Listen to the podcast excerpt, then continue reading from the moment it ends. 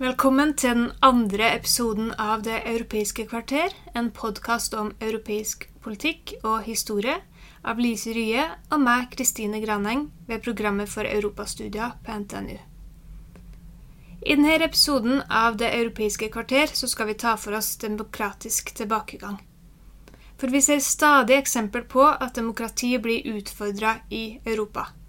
For ikke så lenge siden så kunne vi lese en kronikk i Aftenposten av redaktøren i Gazeta Viborca, en av Polens største aviser, der han beskriver Polen som et land som ikke lenger er styrt via rettssikkerhetsprinsippet, og som er i ferd med å bli omgjort til en ettpartistat.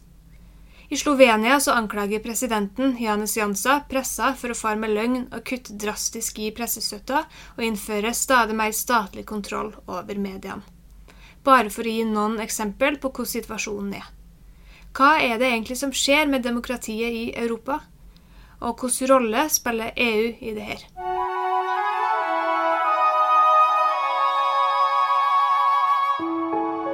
Jeg mener vi sikrer Norges interesser best ved å gå inn i EF. L'Europe ne se fera pas d'un coup, ni dans une construction d'ensemble. Das beste Mittel, um eine Politik zu treiben, die sich auf Vertrauen Dette er ikke noe vanlig samarbeid mellom selvstendige nasjoner. Dette er en sterk og dyp integrasjon. No, no, no.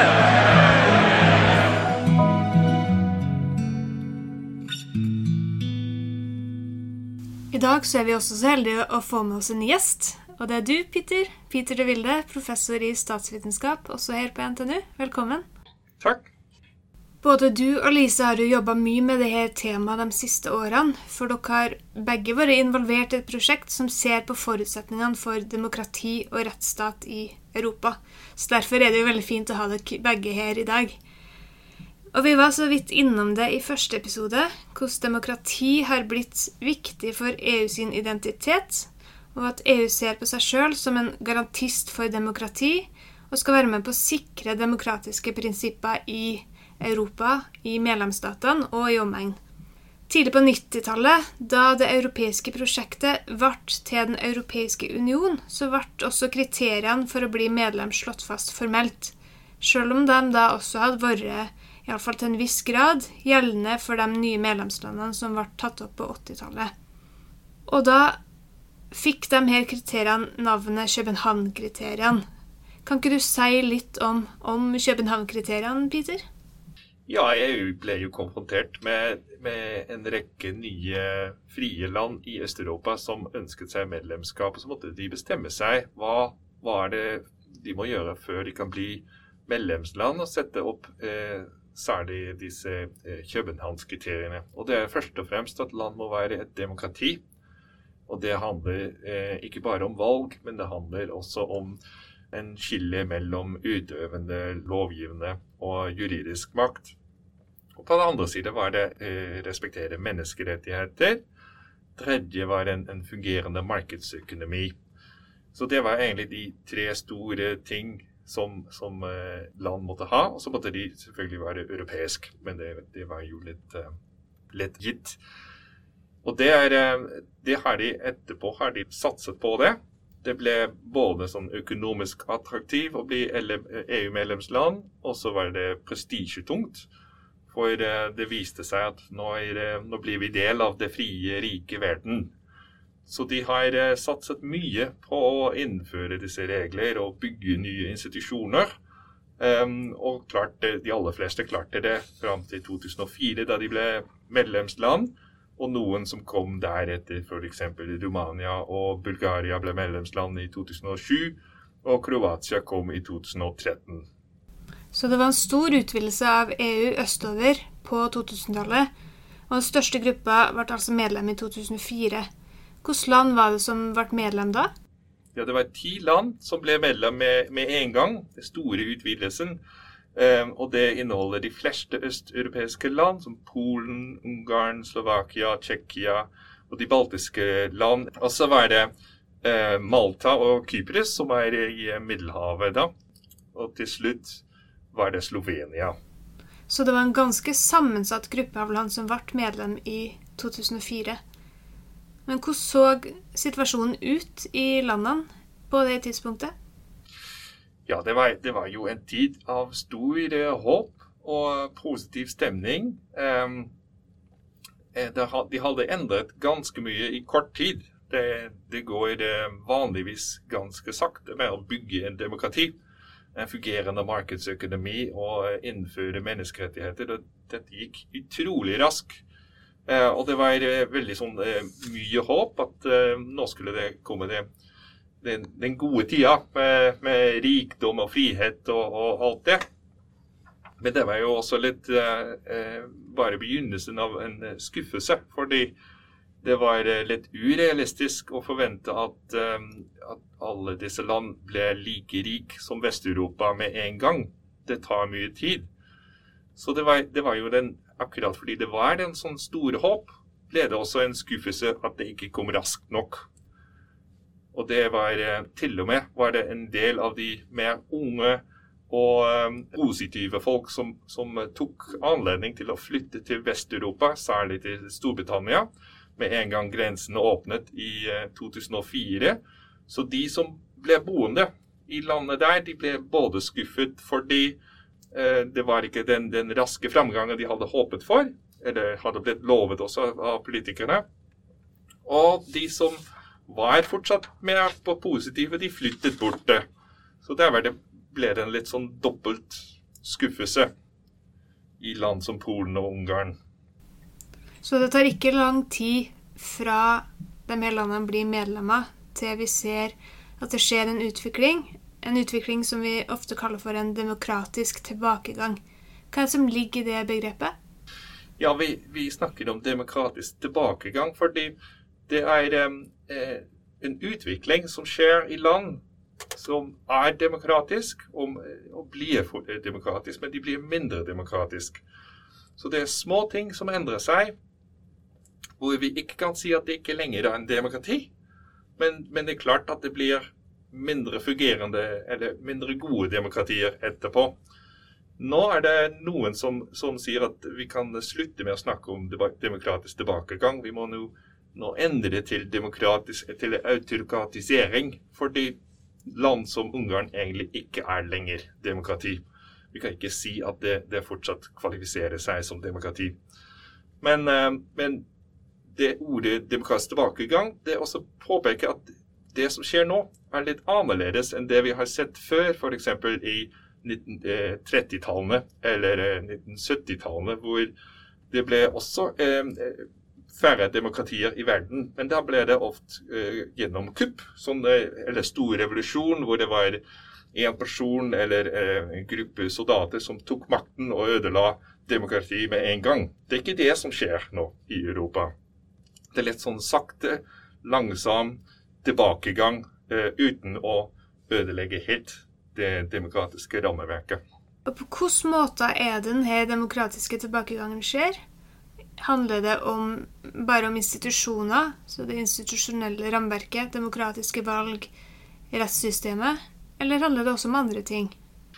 Ja, det er, det er eh, først og fremst en angrep mot eh, frie medier. Så de som eh, uttaler seg kritisk til regjeringer, aviser og TV-kanaler og sånn, de, de, blir presset til å bli mindre kritisk. Og hvis de ikke eh, tar, det, ta det, imot, da blir de erstattet av venner til, eh, til eh, statsregimet. Orban eller, eller Pish-partiet i Polen f.eks. Så på andre siden skjer det litt sånn det samme i, i, i, det juridiske. som jurister som er kritiske til myndigheter, de blir tvunget til å pensjonere seg tidlig.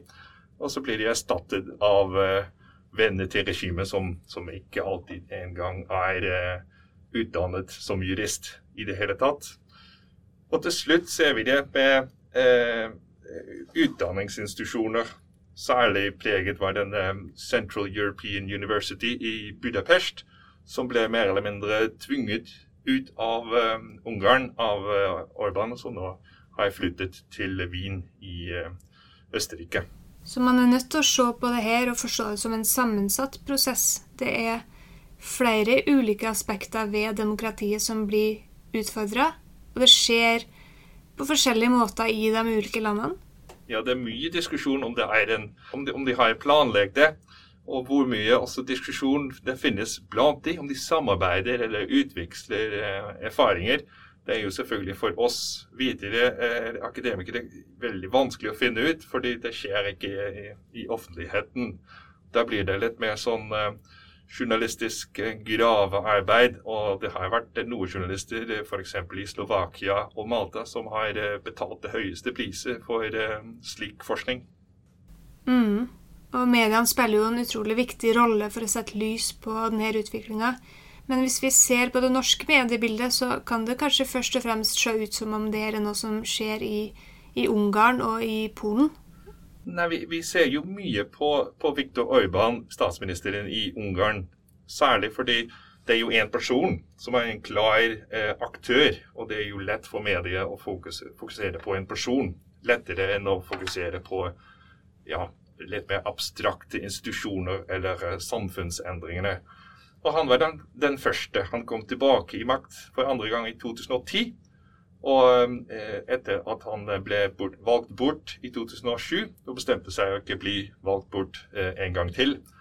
Og så begynte med den eh, prosessen av demokratisk tilbakegang. Så han er litt sånn posterboy, litt sånn den, den kjentnissen av demokratisk tilbakegang.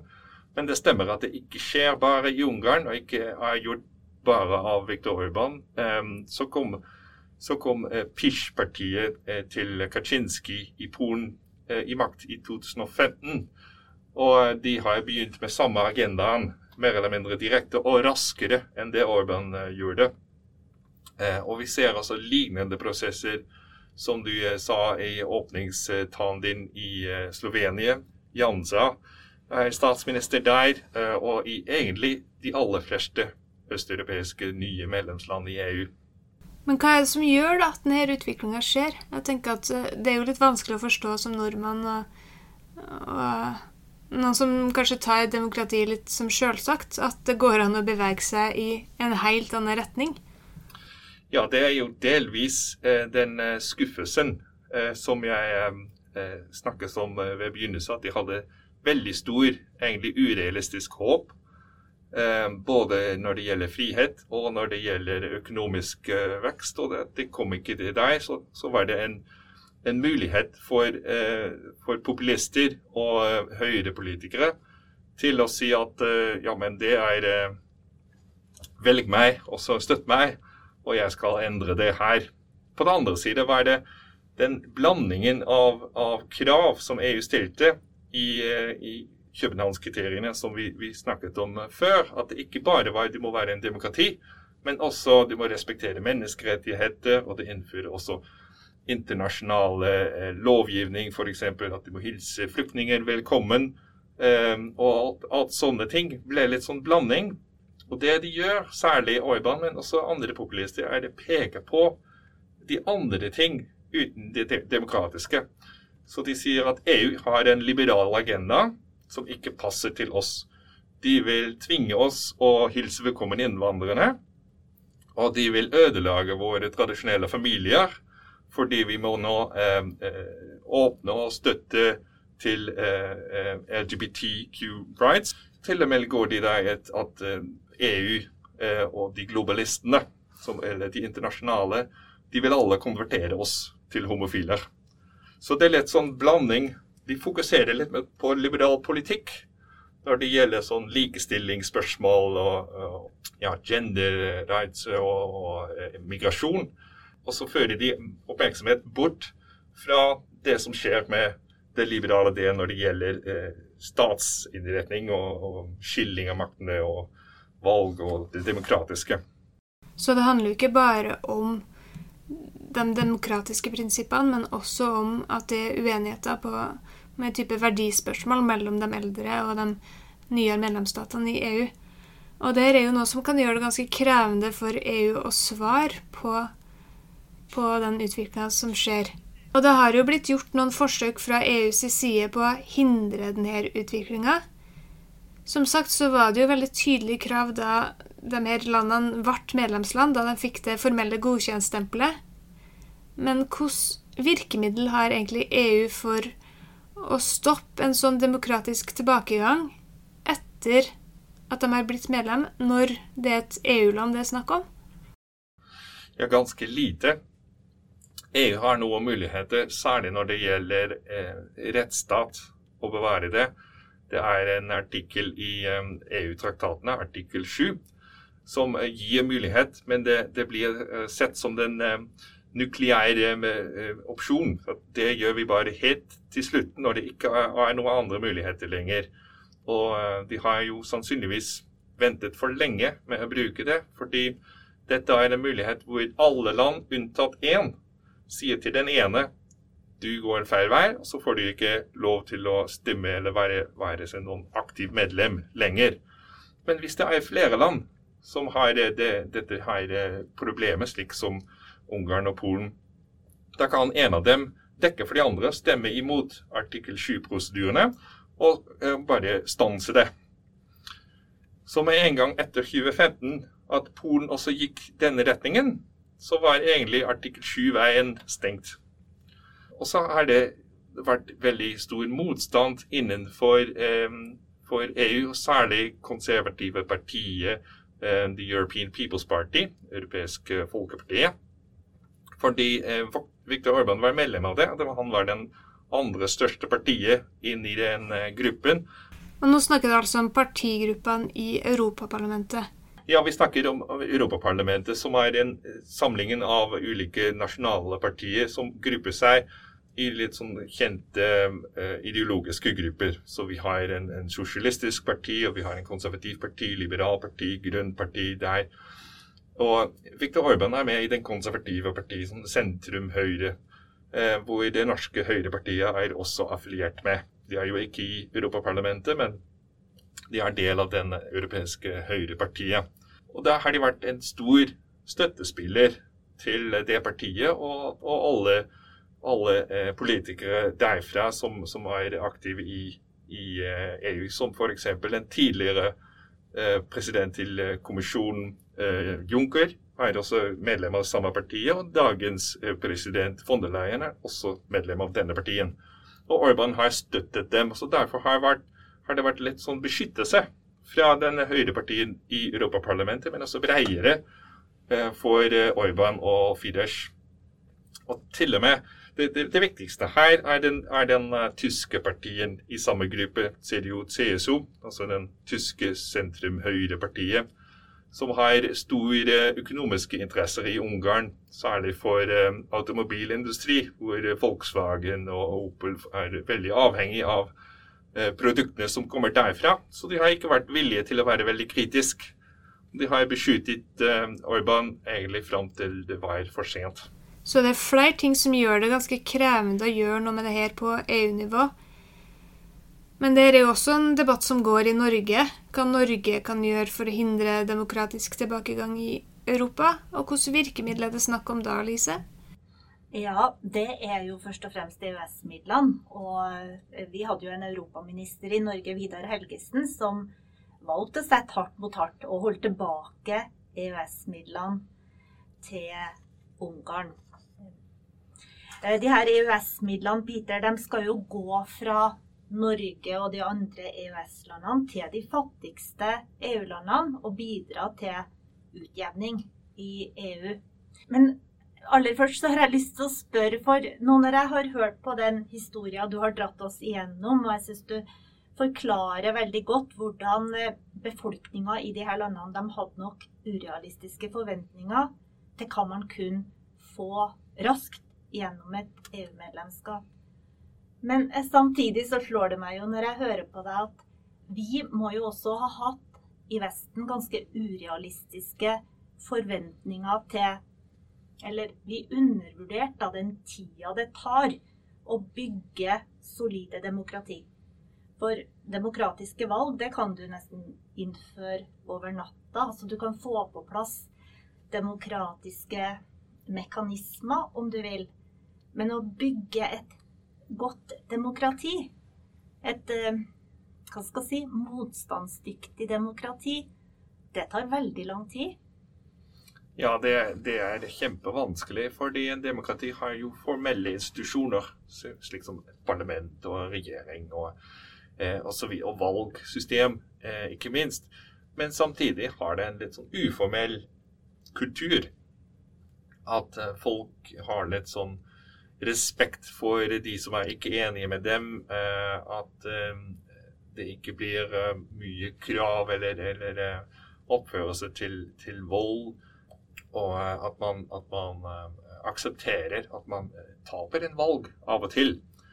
Og denne kulturen den kan man ikke bare innføre i en, i en konstitusjon. eller sånn. Det er jo en, noe som må endre seg over tid i befolkningen. Og det stemmer at det er utrolig vanskelig å, å gjennomføre, særlig noe raskt. Jeg er enig med deg at EU har undervurdert det, har vært litt overoptimistisk i det, men det var også veldig vanskelig å balansere. fordi hvis man, hvis man holder av disse landene og ikke sier at nei, du kan ikke bli medlem ennå fordi du er ikke helt perfekt, da, da kommer den samme skuffelsen også. Så jeg vet ikke helt om det, det vært, hadde vært en bedre vei å bare holde, holde disse land utenfor lengre. Um, fordi denne, særlig denne skuffelsen som er, er en, en, en, grunn for populistene til å bygge opp sin sak og få makt og ødelegge demokrati.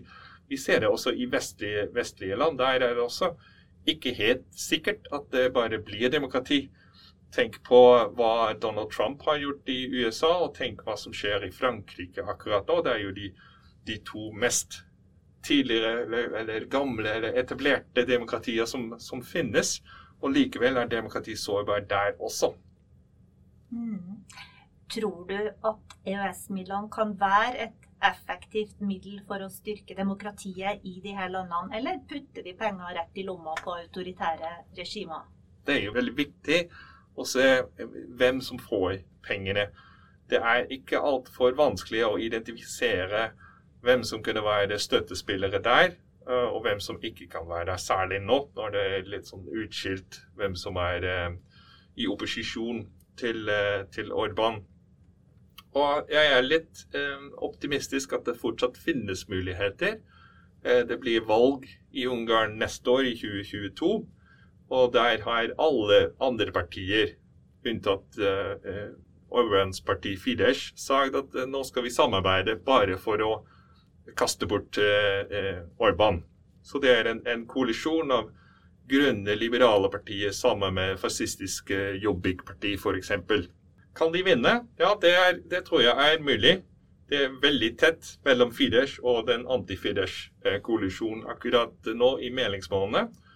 Eh, så det er mulig. Når det gjelder det spørsmålet kan vi støtte dem, faren er at hvis det er åpenbart at de får penger fra andre land, at det blir bare brukt av folk som Orban og sier at se her, de utenlandske krefter de prøver å eh, påvirke oss og ødelegge vårt land, og jeg er den eneste som kan forsvare vår, eh, vårt land. Så det er en, en veldig ja, vanskelig sak å kombinere, kombinere den støtte uten at det blir offentlig. Når man ser f.eks. det som, som skjedde i Belarus, i fjor da var det også eh, store protester mot den eh, eh Lukasjenko, den eh, diktator der. Og det var ikke noe EU-flagg i det hele tatt i protesten. Og jeg tenker det var ikke tilfeldig. Og det ble klart eh, i motsetning til f.eks. Eh, det som skjedde i Ukraina i 2014, hvor det også var protester. Men veldig stor støtte fra EU og masse EU-flagg. Da blir det jo lett for diktatorene å si at se her, det er jo egentlig et angrep, krig fra utenlandske land som ønsker å, å ødelegge oss. Så der må EU og Norge også være veldig forsiktig, og ikke, ikke gå veldig åpenbart med denne støtten.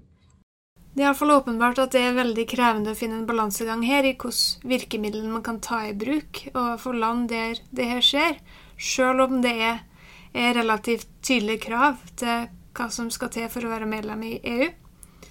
Men du løfter også fram noen positive tegn i tida, og vi får bare følge med på hva som skjer i, i de nye medlemslandene i EU, og håpe at, at, vi ser at det snur i en positiv retning. Tusen takk for praten, Peter, for at du tok deg tid. Det var veldig interessant. Takk for meg, altså. Neste uke så er vi tilbake med en ny episode, og vi skal fortsatt snakke om EU og demokrati, men da skal vi se på det fra et nytt perspektiv. Inntil da så følg oss gjerne på Facebook. Der deler vi nye episoder og også litt annet materiale i forbindelse med de temaene vi snakker om. Og Der finner dere oss under Det europeiske kvarter. Ellers så følg oss gjerne der dere hører på podkast. Og del oss gjerne med venner og bekjente som dere tror kan være interesserte i en podkast om europeisk politikk og historie.